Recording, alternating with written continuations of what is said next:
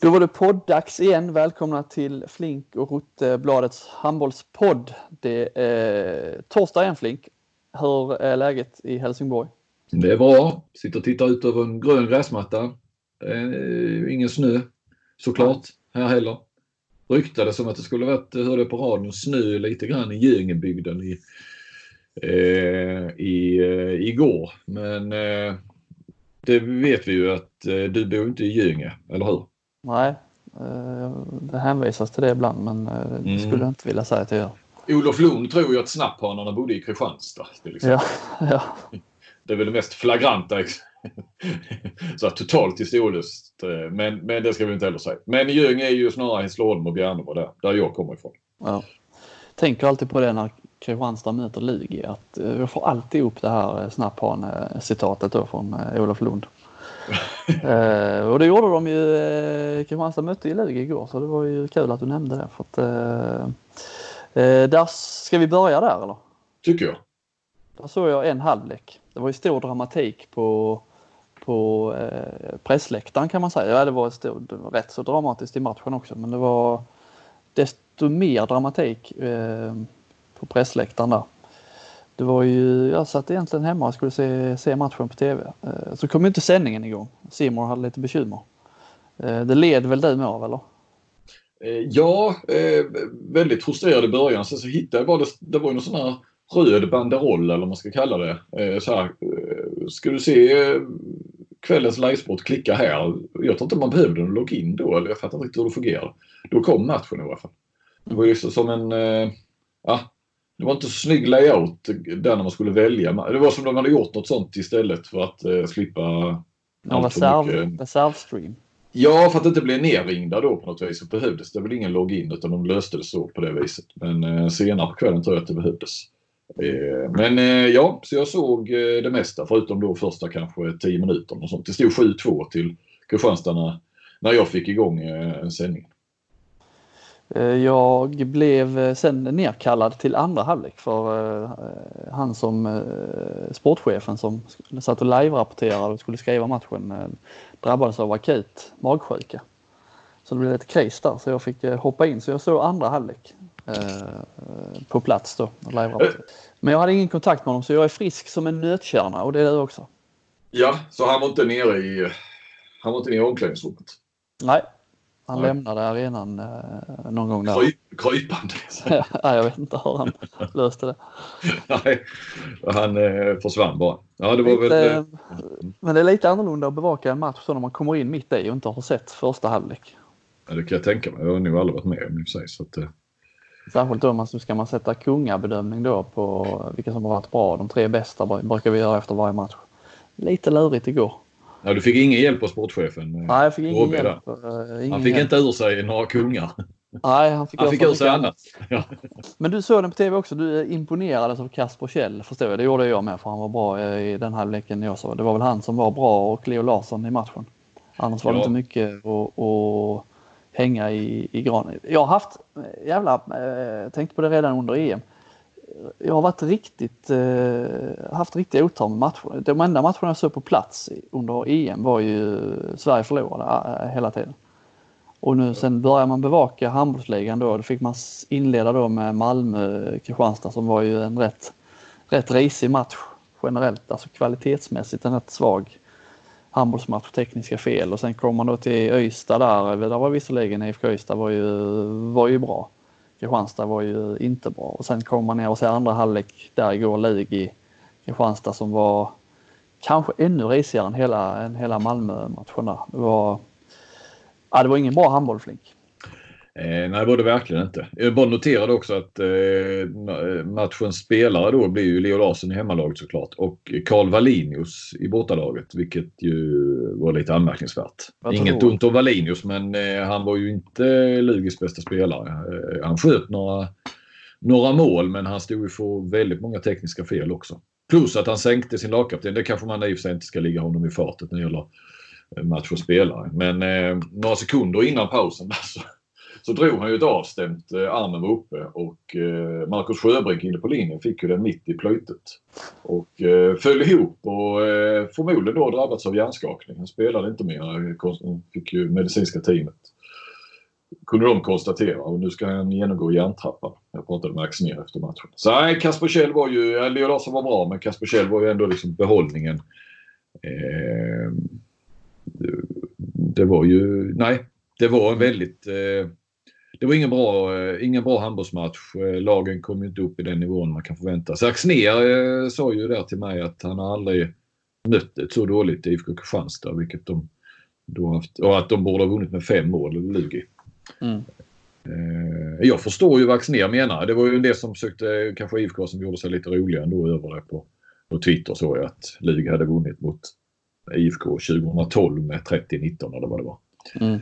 Eh, så det är klart att det var ju större siffror. Men jag förstår vad Axnér menar. Eh, Lugi hade ett jäkla läge. Hade de kommit upp i, i hyfsad nivå så det är klart att Kristianstad har mött ett bättre Lugi än vad det var. Självklart. Men eh, det är ju ändå Kristianstad. Det är ju Lugi som slår underläge så att eh, sådär. I efterhand så såg de att de hade ett jäkla bra läge att ta, ta två poäng.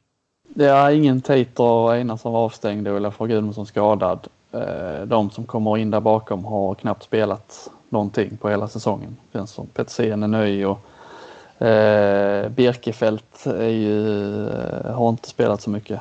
Eh, förstår man ju varför. Mm. Eh, Osvirk fick, fick väl några minuter där i första halvlek om jag förstår det rätt va? Det imponerar inte va? Nej, ja, det är tunt. Tunn trupp. Förmodligen den sämsta truppen någonsin. Eller hur är det nu? Ja, inte någonsin. Men eh, nej, det, jag eh, tycker inte... Eh, kan, jag tycker kanske att Lugi borde ha vunnit. Eh, trupp, alltså, ja, jag tycker inte att truppen är så bra som alla tycker. Men eh, sen har de inte spelat. Alltså de har inte spelat någonting. Osvjak har knappt spelat sen han kom. Bjerkfeldt har knappt spelat på hela säsongen när han fall. Så att eh, även om det hade varit bra spelare så förutsättningarna redan där är ju, är ju liksom svaga eftersom man inte har fått någon speltid. Och sen eh, har de ju inte imponerat direkt den speltiden de har fått. Så Lugis, var det någon gång de skulle ta Kristianstad i Kristianstad så var det ju verkligen, verkligen nu. Ja, det, det var det. Ja, det har gått dumt för Kristianstad sen eh, efter uppehållet här. Ja, men det är, vi har ju snackat om det lite. De, när de gick som bäst där då gick de ju bara på tre 9 spelare nu har inte de funkat mot Malmö eller Ystad och har de förlorat och nu var de inte med. Kunde mycket väl förlorat igen så de är ju de tre niometrarna måste ju vara med tror jag om, det ska, om de ska gå långt framöver mm. i slutspelet. Petersen fick ju spela rätt så mycket, eller han fick spela jättemycket nu mot Lugi men han eh, Ja, jag vet fan. Det, jag, jag har svårt att se att det ska lyfta riktigt där. Det, eh, han är bra så på... Det känns lite som en omodern värvning eh, om man vågar säga så så här tidigt. Eh, liksom, vi pratade om det när det var EM. Det var liksom storskyttarnas... Stor, eran för bombkastarna var liksom över.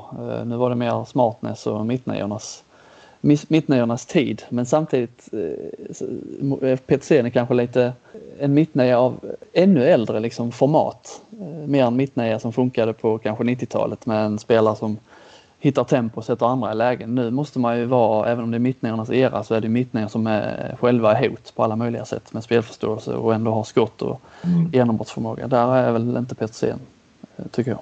Nej, han vispar runt där känns det som. Alltså så. Ja, sätter lite fart på bollen och ja, växlar lite. växlar och, och sådär. Det, visst, det är ju växlarna sitter ju där. Det är ju inga tekniska fel och så ju. Men, men eh, nej, nej, jag håller med dig. Det, det är frågan vad de får ut av det. Nej, jag menar i modern handboll måste man ju vara ett... Var man än spelar på banan måste man ju ha... Eh, måste man vara ett hot själv. Mm. Eh, på, på tal om eh, mittningarna, vi har ju inte kört efter EM någon podd. Eh, jag vet inte om jag sa det till dig. Karacic hade jag ju i mitt All-Star team fram till eh, ja, slutminuten i finalen där typ. När han gjorde sitt stegfel. Nej, det var underbart. Ja, nej, han rök faktiskt där. Jag tänkte liksom så här, man satte ihop det då inför finalen och så fick man ju kolla finalen lite och lite känsla. Så kände jag bara nej, där var han ju inte bra och sen var det ju liksom grädden på moset, det där stegfelet. Så stod och valde mellan honom och Entre Rios. Entre Rios var inte heller jättebra i finalen. Men ville ändå ha någon, av, någon av dem. Eh, Ja, sen Så- Karasic var ju det- svag i semifinalen också.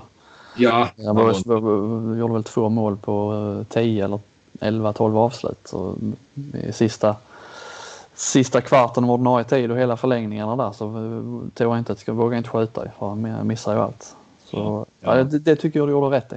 Ja. Eh, Men det var väldigt nära ändå att det hade blivit Kartic. Men eh, ja, nej, det, det, det var, tippade honom över kanten, det där stegfelet. Ja. Ska vi tillbaka till Kasper Kjell. Är ju inte heller någon, det är ju ingen sån Egentligen ingen kanske så modern mittnia heller. Alltså den här hybridspelaren eller den som eh, inte än så länge för han väger, han har för sig tagit sig lite och gått upp några kilo för han var ju väldigt smal innan. Men eh, det är ändå en, jag vet inte, man gillar ju den spelartypen. Ja, lite sån eh, Ludvig Hall- Hallbäck eh, typ. Eh, ja, så han har ju rätt så grymma stegersättningar får man säga. På det sättet är han ju verkligen ett hot själv. Ja, ja, ja, ja. Eh, även om han Men har... Hallbäck känns ju lite mer power ändå. Alltså, eh, Ja, och han har ju kanske mer av ett skott än vad eh, Kjell har. Mm. För tillfället. Men Kjell liksom, han gör ju, gjorde mycket mål och är ju verkligen ett hot. Så alltså, på det sättet är han ju ändå mer modern än vad Petersen är. Ja, ja definitivt. Oh ja, oh ja. Ja, men det är han ju. Men det är ju inte det här ja, sagosen, Nej. så den storleken och så. Men nej. Vi, vi, jag bara gled in på Kjell här för jag, vi sa att vi skulle snacka lite om talanglistan jag satt ihop i, igår. Ja, Eh, jag har gick igenom den. Eh, Den Mm. verkade gedigen. Har det, har det genererat några eh, plusköp?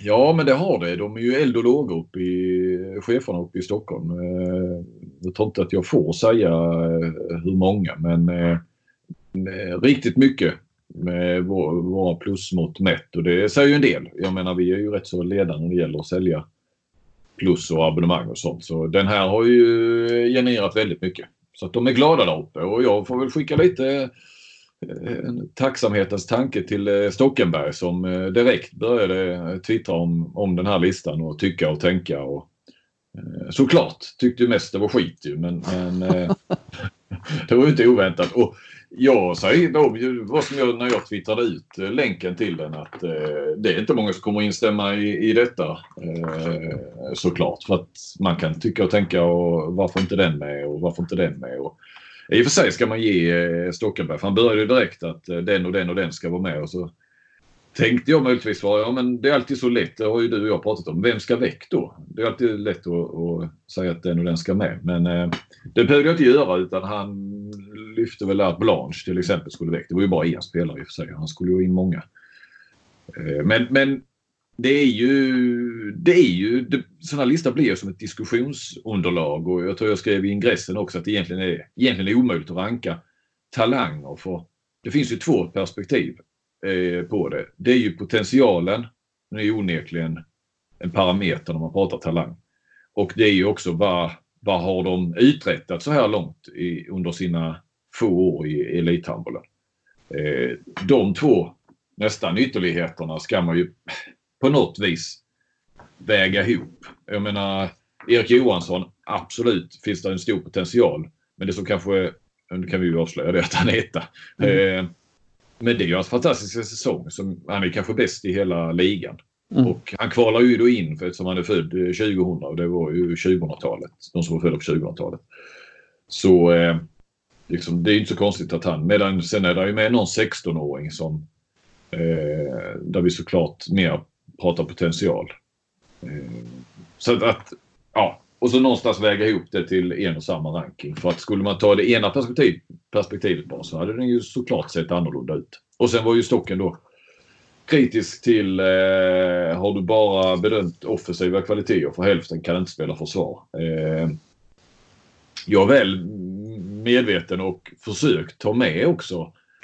Liksom, är du en tvåvägsspelare så hamnar man lite högre än, än annars. Men sen kvittar det ju vilken ranking du än jag menar de här rankingarna av världens bästa spelare eller decenniets bästa spelare. Det är ju mer offensiva kvaliteter. Alltså Tobias Karlsson kommer ju aldrig att komma topp tre hur bra försvararen än är. Och sen talanger är ju, där är det ännu lättare att det blir så för det är ju inte, det är vanligare att man spelar försvar när man, ju äldre man blir. Ja, alltså, sådana här som kommer upp. utvecklat. Ja. nej. Så att jag tycker inte att det är så konstigt. Men jag hade med mig att, att eh, gärna att man, man eh, var man en tvåvägsspelare åtminstone så, så eh, allt annat lika kan man ju diskutera om det är det. Men, men så hamnar ju tvåvägsspelaren högre.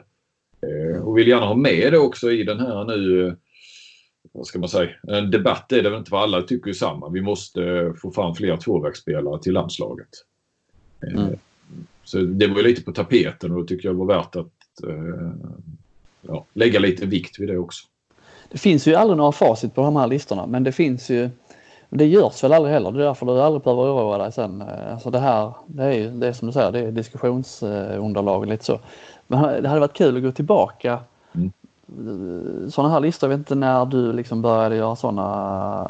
Du kanske inte gjorde sådana listor när typ Kim Andersson och Larholm var Nej, unga. Men det hade varit kul, sparar du sådana här så kan vi gå igenom detta om podden finns om eh, tio år så kan vi se hur rätt eller fel ute du var ja, eh, nej men jag håller med dig.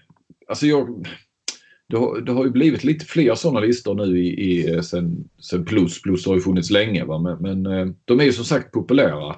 Eh, läsning och många eh, beställer Plus för att de verkligen vill läsa en sån här grej och det är liksom själva kanske syftet med de här rankingarna på sätt och vis. Eh, men där, jag har ju någon för ett eh, vad kan det då vara? Kan, det kan vara en tre, fyra år sedan. Nu har jag inte gått tillbaka, jag bara tar det om minnet nu. Eh, som jag vet att Emil Hansson var ju etta eller tvåa. Mm. Jag tror han var tvåa och Lukas Nilsson etta. Eh, till exempel. Alltså Ja. där finns ju säkert, kan gå, gå in på fler. Och sen har vi ju nu tappar ju Match, tidningen Match har ju kört sådana Ja just det. De, stora just, ranglistor. Den första måste ju vara en 3, 4, 5 år gammal. Som man också skulle faktiskt kunna gå tillbaka till lite. Men det är ändå intressant att se om, om 10 år där man de, definitivt kan, eh, om vi nu tar den här som är nu, mm. eh, ser nu. Då kan, man ju, då kan man ju verkligen göra bedömning. Det är ju fortfarande för tidigt att slå fast saker på det som är 3-4 år gammalt tycker jag. Ja det blir det ju. Ja alltså där är det liksom. Det är inte helt... Emil Hansson, okej. Ja, du, får, du har fått lite mer, ja, du har fått lite mer signaler men de är liksom, eh, handbollsspelare är väl som bäst där. Eller de pikar väl någonstans. Det är ju närmare 30. Ja, och det är ju... Så det är ju inte slutbetyget. Intressant i detta, jag vet inte, hade vi uppe det för några veckor sedan när jag i alla fall fick höra om det eller blev påminn om det. Hur många av våra största spelare som, som aldrig har gjort en u-landskamp. Känner du igen det? Mm, ja, vagt men uh, påminn mig. Eh, Stefan Löfven är ju det bästa, tydligaste exemplet. Kanske. Eh, den, den är ju, han, är rätt, han är välkänd, men han är välkänd i det faktumet också. Eh, jag tror också Vranjes. Eh, jag vet Tobias Karlsson. Linnea Torstensson. Eh, jag tror att detta var i samband med, med Lukas Pellas där när jag skrev eh, om hans resa, som det brukar heta. Så var Daniel Wander, presschefen som, i landslaget, som påminner mig om det. Att, eller nämnde några sådana. Eh, Björn Gilsén var det också jag höll på med där i det här dokumentet. Eh, hade heller inte varit med. Ja, han har en eller två träningslandskamp på U21 eller sånt där. Men slog igenom i eh, mitt under ett senior-VM. Mm. Eh, 82. Men det är ju en annan historia. Men eh, så som sagt så eh, till eh, de där ute som är en eh, 17, 18, 19. Bara för man inte är med på Sportbladets lista så är det inte kört. Nej. kan vi väl eh, slå fast Ja. med empirisk.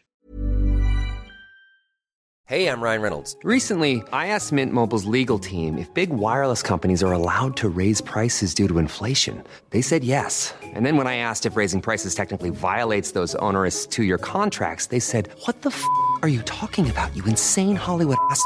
F- So to recap, we're cutting the price of Mint Unlimited from $30 a month to just $15 a month. Give it a try at mintmobile.com slash switch. $45 upfront for three months plus taxes and fees. Promo rate for new customers for limited time. Unlimited more than 40 gigabytes per month. Slows. Full terms at mintmobile.com. kunskap.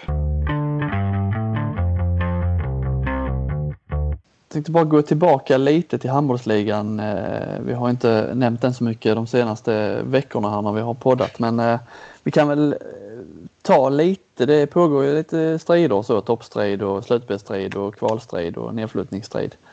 Börjar liksom sätta sig lite om vi börjar nerifrån där. Eh, Varberg har vi sagt, det blir svårt. De har fyra poäng upp till OV. Eh, den är väl inte den mest intressanta striden eh, samtidigt som Hallby, eh, även om Önnered har en match mindre spelare än Hallby där över kval, eh, ingenmansland slash kvalstrecket där så så börjar väl de tre kvallagen forma sig där med Önnered, Guif, eh, OV.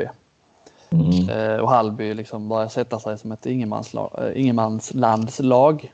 Det är starkt av Hallby. Ja, det får man verkligen Om säga. Om de hamnar där. Mm. Mm. Däremot slutspelstriden lever ju i allra högsta grad där med RIK som har en poäng upp till Sävehof. Det är, liksom, det är lite så här, lagen har inte alls lika många matcher spelade så det är lite svårt och göra en, eh, få någon slags helhetsbild av läget. Men RIK har en poäng upp till Sävehof över slutspelsstrecket och ytterligare en till IFK Ystad och sen två till, till Lugi. Det är väl främst de, de fyra lagen där. Mm. Skulle säga det, det är ett, där är ett streck som är helt omöjligt att tippa. RIK liksom, man vet inte alls, man får inget grepp om dem överhuvudtaget. De kan vinna vilken match som helst och de kan förlora mot vilket lag som helst. Eh, lite samma med IFK Ystad, nu slår de Kristianstad och liksom, de kan mycket väl förlora mot eh, Hallby och Önnered och den typen av mm. lag också. Mm. Sävehof är väl ett sånt lag man, som de alltid är, eller som de är, har varit de senaste åren när vi har pratat om dem, att man sitter och väntar att det ska nu, nu, nu börjar de tugga igång här. Nu har de haft lite skador men nu, nu ser de bra ut. Men sen, nej. De är nog där i den slutspelsstriden för att stanna. Ja, ja, att de kommer inte ta sig ur den, nej. nej. Men i fjol, i fjol lossnade ju för dem i slutspelet kan man ju lugnt säga. Ja, jo, men det, sen, det, sen kan ju allt hända därefter. Ja. Men i år är det ju ändå på en, där man har trott att det ska lossna för dem. I år är det ju ändå på en lägre nivå. De är dessutom regerande mästare. De, visst, de har haft sin beskärda del av skador och så vidare. Men, och, och spel i Champions League kanske då ett rätt så orutinerat manskap att klara av den striden på två fronter. Men jag, fortfarande är ju Sävehof ändå en besvikelse att med tio matcher kvar ja, verkligen riskera att missa, missa slutspel. Mm. Ja, så Lugi då. Lugi skulle jag bara säga. Eh, jag frågade Axnér det för, han, för det hade ju varit två fina poäng för dem och, och fått lite luft ner till lag 7, 8, 9. Så, så jag började bli nervös sådär. Så, ja, det var han väl inte och han sa det är klart att vi, vi det hållet vi måste titta. Men Alltså att de har fortfarande inte tappat en poäng eh, i år mot ett lag utanför slutspelet sa han. Nej. Alltså utanför topp 8. Så att eh, det är klart att eh, fortsätter de hålla den sviten så kommer de ju klara sig utan vidare. Eh, Ulf Berg på Twitter ville att vi skulle hylla Lukas Pelas. Så mm. Ja, jag såg att han förväntade sig det. Jag tyckte det var lite... Ja. Kan, kan förvänta sig. Jag tyckte det var lite hård ton i det på något vis. Att, Eh, Eh, men det kan vi göra vadå utifrån gårdagens match eller? Ja, jag vet, han var väl okej okay igår. Jag tycker det mest när det gäller Pellas. Eh, ja visst, han har haft en jättefin men det roligaste med honom är ju att han går och blir klar för Montpellier där nu efter EM. Det var ju en övergång som är eh, rätt cool alltså. Det är ju eh, att man kommer lite från ingenstans även om man har varit bra nu på par år i Lugi så liksom rätt rakt in i EM-truppen och sen rakt ut till Montpellier, får man ändå säga topplag i, i Europa. Det var Champions League-final för ett och ett halvt år sedan. Ja. Eh, ja, nej den är... Förtjänar han en hyllning för sin, både den här säsongen och sin förra säsongen. Alltid, ja, han, eh, jag tyckte i och för sig han var bra redan i Hammarby när han väl fick spela. Oh, du var ju en av de få som såg potentialen där menar du? ja. ja tyckte han var bra. Han spelade väl. Men det, Nej, han spelade inte så mycket, men när han fick spela. Så såg du ju potential. Ja, det var kanske du som tipsade Lugi också. Jag såg det direkt. Det här är ett, det är ett ämne. Varför får inte han spela mer? Nej, men eh, absolut. Och han gjorde det ju jäkligt bra när han fick chansen i slutet på EM också. Ja. Verkar ju vara lite som Krins ju. Helt iskall. Inga problem att ta straffar och kliva in och... Nej. Nej. Eh, så är den då eh, berömda toppstriden Alingsås-Malmö. Räknar du in Kristianstad fortfarande där? Ja, jag menar vad är de med sju poäng efter med två matcher bakom Alingsås. Så att mm. eh, säga att de, de nej, som formen är nu så är skulle man ju inte räkna in dem. Men, men säg att de ändå hittar rätt och eh, jag menar vinner de dem så... De ska ju möta Alingsås hemma så att ja. Eh, de är väl med i någon slags strid där ändå. Eh, ja det är de nog. Men medan Skövde då har en match mindre och är nio poäng efter Alingsås eh, känns ju mer som att de, de eh, kanske får fightas med just IF om, om fjärdeplatsen. Eh, men sen har ju Alingsås, liksom, de har ju slängt bort några poäng, eh, rätt många poäng tidigare. Jag undrar om de kommer slänga bort så jättemånga till även om de har varit illa ute eh, de senaste matcherna också. Både mot Ystad och mm. det var ju bara oavgjort där mot Hallby i paus. Men jag tror ändå Alingsås blir de som tar det till slut där. Mm. När det gäller Malmö, Flink, så har de ju mm. fått ett tillskott här. Dan, Beutler blir ju helt, det har väl eh, varit sådär känt fast ändå inte officiellt att, han, att det blir Malmö. Men nu är han ju, ju klar, blev väl officiellt klar efter eh, Malmös eh, mån, var det? Mån, måndagsmatch. Ja. Mm. Och det kom ju ut, ja du får berätta lite, du har ju varit, jag har varit lite involverad och du har också varit involverad. Det var liksom lite spel bakom kulisserna där kan man säga, hur detta kom ut med Beutler. Ja, jag blev lite irriterad eh, får jag säga måndagskvällen därför att jag hade känt till detta sedan, eh, det var mitt under EM innan eh, semifinalerna där i EM.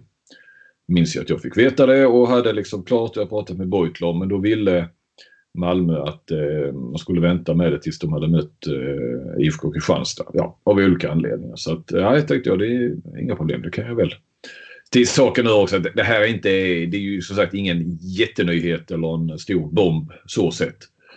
Eh, inte så överraskande heller men, men, men man vill ju ändå, ja, man vill inte vara sist om en, eh, om en nyhet och som sagt Beutler eh, har jag ju skrivit mycket om eh, sista halvåret här.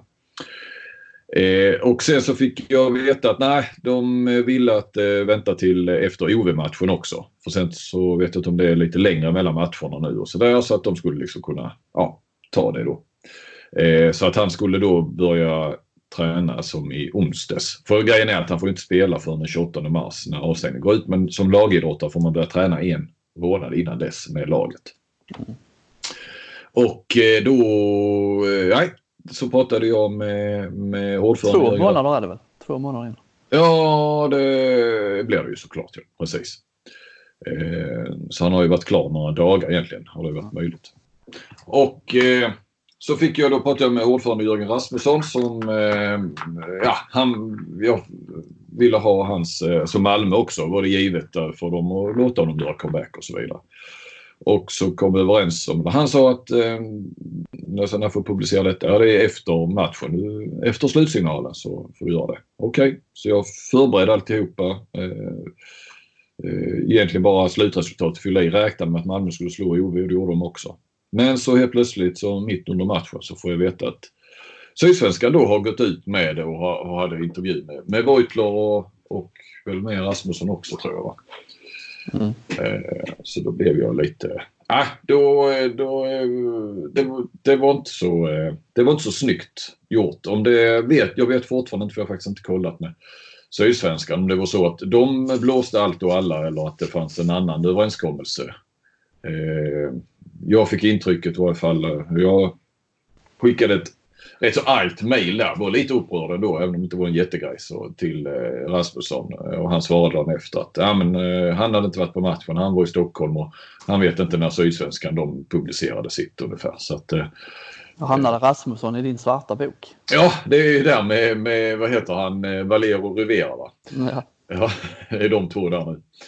Nej, men det jag tycker var liksom, där var det så noga att man skulle respektera det. Då tycker jag man kan respektera. Alltså om Sydsvenskan också hade, jag tror inte, jag förväntar mig inte att jag var ensam, men jag förväntar mig att, eh, att det var samma förhållningsregler till alla. Men det, så verkar det inte på Rasmusson. Det var ingenting han skrev i varje fall att eh, Sydsvenskan eh, inte gjorde som de sa. Utan, ja, lite, lite märkligt det hela. För det var så liksom när... Irriterande mitt under matchen där när man visste att eh, Beutler han var och såg matchen. Så helt plötsligt kom det ut, Sydsvenskan kom ut med citat med Beutler, sen rasslade till. Sen hade helt plötsligt både Aftonbladet och sen hade Stürmerfaul där eh, också en eh, intervju med, med Beutler. Så då, ja, här är nog rätt så mycket som har varit förproducerat som inte som Ja. skulle ha släppts. Ja. eh, Och jag precis. pratade med, med Rasmusson i, i samband med Kristianstads match där. Eh, och hade pratat med Beutler eh, eh, någon vecka innan där och då hade vi bestämt att ja, vi hörs på tisdag. Nu som är tisdags då. Ja, då visste man ju att ja, då kommer de ju presentera det på tisdag och så eh, ja, Mm. så blir man liksom sist på bollen där också. Men ja, visst, de vill inte, de vill inte säga något och har man inga citat så ja, det Nej. blir ett problem. Mm. Ja, så, men så ringde jag Beutler där i måndags när Sydsvenskan hade skrivit. Och då sa han, men vi skulle höras imorgon. Ja, men Sydsvenskan har ju skrivit. Ja, så har de? Ja, ja, ja, ja, det visste var ju han inte riktigt med på heller. Så det, var, det, var, det kändes som att det skulle komma ut senare än vad det gjorde i Beutlers värld också. Ja men så var det ju. Det, det, så var det ju sagt. Så att, eh, som sagt, sen eh, att man inte hade varit ensam om det och, eh, är ju sin sak. Men eh, ja, nej, lite trist när man får eh, så tydliga regler som man då respekterar. Så. Eh, fick sig förtroendet ett knäck. Alltså mitt förtroende för Rasmusson i alla fall. Sen är det som sagt, det är inte hela världen för att, eh, alltså att Beutler skulle göra comeback i Malmö var väl, ja, Ja, ja. Nej. det var många, många. Men ibland kanske- eh, var Kristianstad lite sugna, eller delar av Kristianstad kan man säga. Eh, Vranjes och Säterström eh, gjorde lite sådana här propåer. Eh, men det stannades av tidigt. Vranjes sa att eh, när detta kom upp eh, i klubbledningen ovanför sportchefens huvud då, så hade de fått ett skratt till svar. Eh, när Vranjes föreslog att de skulle värva Beutler. Med tanke på hur han Med lämnade. på, ja, det där, eh, eh, vad var det nu, iransk klubb va? Ja, var väl det. Samel Al-Hoyhai eller något. Ja, kul. Ja. Eh. Nej, jag bara lite, alltså ibland kanske folk kan förstå varför eh, Ja men ibland så, så skriver vi ju saker som klubbar inte vill eh, ska komma ut eller att det inte ska komma ut för tidigt eller så. Därför blir man lite besviken när man väl då respekterar klubb. Och jag, men jag hade egentligen inte behövt jag, jag pratade med Bojklas, jag menar jag kunde ju nöjt mig med att lyssna på honom och då, då klart jag hade respekterat honom. Va? Men, eh, nej, men folk kanske kan förstå i, ibland att det blir lite ja, konstigt. Eh, så. Och det här gör ju att man inte känner liksom att ja, nästa gång, vad ska jag... eh, Om Malmö säger att ja, jag vet någonting och pratar med Malmö och de säger att det stämmer, du får inte släppa det förrän då eller då. Och så, ja, då har man ju lite svårare för att följa det då. ja, På tal om eh, bara liga toppstrid eh, ska vi också nämna SOE. Ska inte glömma, glömma damerna. Det brukar vi ju få skit för om vi gör det och det gör vi ju ibland. Därför att intresset inte är så stort från er lyssnare och, och läsare heller för den delen. Jag, vet, jag fick för övrigt ett, ett par mejl här om eh, talanglistan och eh, hur jag kan lista de 20 största talangerna och inte ha en enda eh, tjej med. Det var en. du hade ju en hel, hade du en hel lista. Ja precis och jag fick ju ett på Twitter där. När kommer listan med tjejerna? Ja, den här gången gjorde vi tjejerna först. Exakt likadan lista redan i oktober. Så, eh, det, det, ja, men det hade väl inte de koll på det som hörde av sig då. Men, men det, ibland blir det så här lite slentrian bara. Oh, där är en eh, lista på eh, herrar. Så ska man liksom automatiskt så förutsätter man att man har nonchalerat damerna. Men den här gången var det ju tvärtom. Det var damerna som gick först. Mm. Men eh, SOE så spelas det ju en ganska så viktig match, åtminstone för de två inblandade lagen. Det är H65 mot Skuru som eh, båda ligger på samma, tror 29 poäng. Va? Och de möts på lördag. Eh, vinnaren förmodligen eh, vinner ju vinnaren också serien. Eh, och eh, slipper ju därmed Sävehof för, eh, innan en final. Mm. Att, eh, Antagligen. Ja, men det kan man ju välja då. ju. Att, Ja. ja, ja, det är inte säkert att Sävehof går till final. Nej, men du, du slipper i alla fall möta dem innan en eventuell final. Ja. Så att eh, den är viktig. Det är i och för sig vinner eh, Skuru den så kan det ju... Eh, de har väl Sävehof kvar och jag tror H65 har bättre målskillnad. Så att skulle Skuru vinna och sen förlora mot Sävehof så, så tror jag H65 tar hem det ändå så länge de går rent. Det har ju lite som, inte riktigt lika stark säsong som i fjol, Skuru och H65, men nästan. Det är liksom de match, interna matcherna avgör hela, hela serien för de, för det, de tappar inga andra poäng. Nej, nej precis. Medan sen Sävehof kommer som vanligt då i, i slutspelet. Ja. tal om, eh, vi pratar om Sävehof och deras skador. Eh, Gesim eh, har ju fått, Salih alltså, har ju varit rätt så olyckligt lottad där den senaste tiden. För har ju fått smällar mot huvudet. Så fort han spelat så har han fått en ny smäll känns det som. Ja, han har väl tre på tre, alltså tre hjärnskakningar på tre månader tror jag. Ja, är ju, det har varit rätt mycket snack om det på, på sociala medier där med hur man ska som försvarsspelare behandla en spelare som man vet, eventuellt vet har hjärnskakningsproblematik. Det kanske inte man tänker på när man spelar, spelar matcher. Men, men det är ju eh, Alltså det, är, det känns som att det blir ett, bara ett större och större bekymmer. Nu har Albin Lagergren är ju lite samma sak där efter, ja, under EM var han ju borta och nu har han ju, sen spelar han ju i slutet av EM och nu när han kom tillbaka till Magdeburg så har, har han fått eh, ett nytt bakslag. Mm. Och är tillbaka, eller borta på obestämd tid. Det får en att fundera på varför var det verkligen nödvändigt att han skulle spela där de betydelselösa matcherna eh, i EM? Eh, ja, han spelar väl inte. Han spelade ju mot Norge. Ja.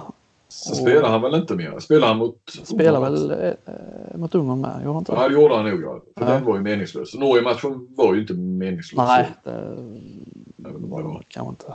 Nej, de hade ju fortfarande chansen då. Eh, nej, det kan man diskutera. För jag vill ju ändå bara säga, betona en gång till. För det, det kom ju kritik redan då att han spelade premiären. Alltså där, när det kom fram där under EM och inför Norge-matchen att, uh, att han hade hjärnskakningar. Och då sa han ju till mig först att jag fick det, att han fick då den här smällen eh, innan premiären, alltså typ sista träningen. Sen ändrade han ju lite sin version dagen efter sen när, när du var med och pratade och att det var nog dag, dagen efter. Mm. Eh, vet inte om det var lite för att skydda läkaren för att jag kan säga att Daniel Gerhag som läkare är ju stenhård när det gäller. Jag menar finns det... Jag säger att han har inte gjort något fel. Eh, skulle jag vilja säga. Nej, de verkar ju jäkligt försiktiga alltså. Det var ju samma läkare, Daniel Gerhag, som stoppade Simon Jeppsson från att spela semifinalen i EM för att han hade lite ont i halsen. Eh, för att i, i, i en förlängning i värsta worst case scenario så, så kan det ju sluta med en eh, sån här hjärtmuskelinflammation. Va? Något, något sånt. Det kan bli problem med hjärtat om man har väldigt mycket otur. Eh, så att för, för det, det här när Därför att det är ju ingen som, jag tror inte Lagergren själv är helt säker på när han fick den här smällen. Eh, om det var, nej och, och, och vad jag förstått som, alltså det är ju ingen som har sett den heller va. Så därför råder det ju eh, osäkerhet när han fick den gällande kring premiären. Däremot så visst så kan man ju tycka att eh, varför spelar han då mot Norge och framförallt varför spelar han mot Ungern. Men jag menar de har säkert följt den här järntrappan och han var symptomfri och så Eh, så spelade han. Och visst, så här, jag tycker det är svårt att kritisera beslutet ja, där då. I efterhand så kan man ju alltid, ja, det var kanske fel. Men där och då var det inte fel. Men sen är det ju, de har ju fått, både han och Gesim har ju fått, uh, fått flera hjärnskakningar och det känns som att det uh, då han kanske var helt frisk. Sen räcker det med en liten smäll, uh, får någon touch, landar fel, uh, tar emot med skalle. Alltså, det, alltså han kan mycket väl ha fått en ny hjärnskakning i någon situation som han inte först trodde. Liksom. Det är ja. så jäkla... Och för varje hjärnskakning så är det lättare att få en hjärnskakning till så att säga. Det är lite så, lite trist för fram, alltså de här är ju, Gesim är ju ung och Lagren är ju ändå förhållandevis ung. Eh, borde ha jättemånga år kvar men det är lite så oroande Johan Jakobsson-varningar där med eh, att de inte kommer tillbaka och sen får de ta en paus igen och sen, ja det är nej, det är inte kul. Jag pratade med, apropå SOE där med Sara Karlström som spelade här i Kristianstad i fjol. Nu har hon missat eh, tre, fyra matcher med Lugi. Hon fick en hjärnskakning i före jul, där början av december. Ja. kom tillbaka och sen fick hon hoppa av igen och sen kom hon tillbaka och nu har hon stått över flera matcher igen. Så det är, jag vet inte om det, om det är vanligare, det får någon forskning eh, visa, men det känns som att det blir vanligare med hjärnskakningar. ja, jag tror att det är en kombination. Det kanske blir vanligare men man också mer noggrann nu. Mer uppmärksam.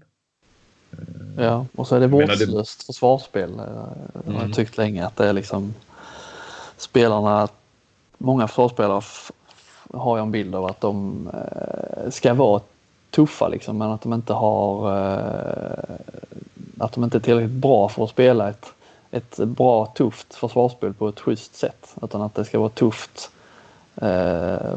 men att det inte blir bra utan att det är tufft och blir vårdslöst. Mm. Det, nej, och det är ju bra. Det, är ju, det har ju blivit fler röda kort här de senaste säsongerna och det är, lär det väl fortsätta bli tills de har liksom lyckats få bort det för det är ju, det är ju liksom karriärförstörande grejer. Ja. ja, absolut. Eh, men innan vi, vi avslutar, vi måste ändå nämna det här eh, amerikanska Fox har varit ute och snurrat om eh, sporten handboll igen. Och har ju blivit uppmärksammat stort på Twitter, både i Sverige och ja, ända upp till världstoppen. Jag såg att eh, Karabatic hade också lagt sig i den här debatten. Du kan väl bara lite kort redogöra för vad jag pratar om? Ja, eh, jag fick faktiskt, jag, jag har bara sett så här fladdra förbi så jag försökte se lite vad det handlade om i, igår kväll här bara för att vara lite förberedd. Men det är knappt jag riktigt kan reda ut eh, alla turerna i det. Men det handlar ju om ett, ett amerikanskt sorts sportprogram där de sitter och, och, och, och jag vet inte riktigt, det är något studioankare och, och, och sen vet jag inte riktigt. Men så tar de in där det är någon intervju med någon amerikansk fotbollsspelare, eller före detta stjärna tror jag. Jay Cutler, jag kan inte den här världen Mm. men, men jag tror verkar vara hyfsat känd. Där han sitter och säger att eh, eh, jag vet inte vad det handlar om LeBron, om det är LeBron James och någon om det är en amerikansk fotbollsspelare till eh, där. De tre och så drar de ihop några till så skulle de eh, lätt vinna OS-guld i handboll för USA. Mm. Eh, så ungefär. Och det tog ju skruv eh, här borta i Europa framförallt får man väl att säga då.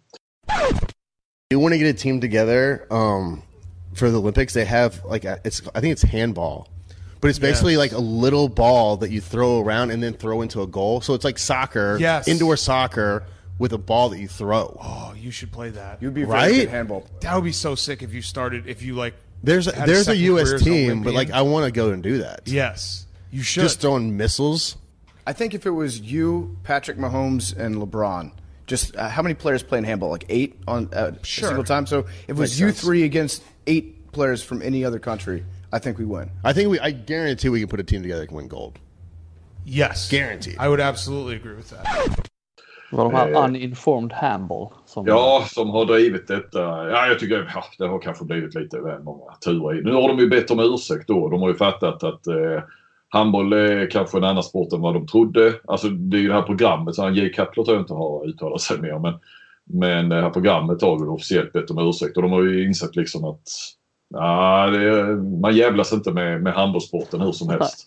Eh, att det finns ändå lite kraft i, i eh, ja, både de som eh, är i och kring, kring handbollen här. Så att, Ja. eh, ja, de fick väl på tafsen där lite grann. Karabatic han har varit inne och, och eh, skrivit på Twitter faktiskt också. Och, där han eh, sa att ni får, ni får gärna min eh, guld, OS-guldmedalj om ni eh, ställer upp och besegrar eh, mitt franska lag då som, Ja. som tog OS-guld. Ja. Eh, Och det handlar väl någonting om kastarm och sådana här saker också tycker jag. Så, Ja, alltså. Vissla Plock hade ju gjort någon rolig video med när de hade filmat, eh, alltså handbollslaget Vissla Plock, eh, när de hade filmat, eh, jag antar att det var något, något träningspass där de hade spelat handboll med amerikansk fotboll då. Med lite blandade handbollsregler och amerikansk fotboll som såg rätt roligt ut. Det kan man gå in och titta på på Twitter. Underhållande. Mm. Ja, ja, men det enade ju handbollen på något vis. Mot Ja, kanske den yttre fienden. Ja, precis. Kanske fick det amerikanerna få upp ögonen lite för handbollssporten. Mm. Man vet aldrig. Det kanske är bra. Det är kanske bra för Staffan Olsson och Robert Hedin som jobbar där borta.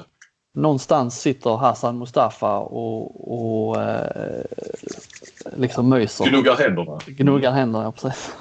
Det var det du gjorde där nu hörde jag. Ja, hörde du det? du gjorde gesten, jag satte ord på den. Eh, exakt. Eh, för det de ser ju såklart en viktig marknad i USA. Att, eh, överhuvudtaget att eh, handbollen ska bli större i den engelskspråkiga världen är ju, är ju såklart IOFs dröm. Ja.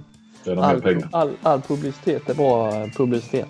Det är bra Flink. Då eh, tackar vi för idag och på återhörande igen om två veckor. Ja, hej på er. Hej!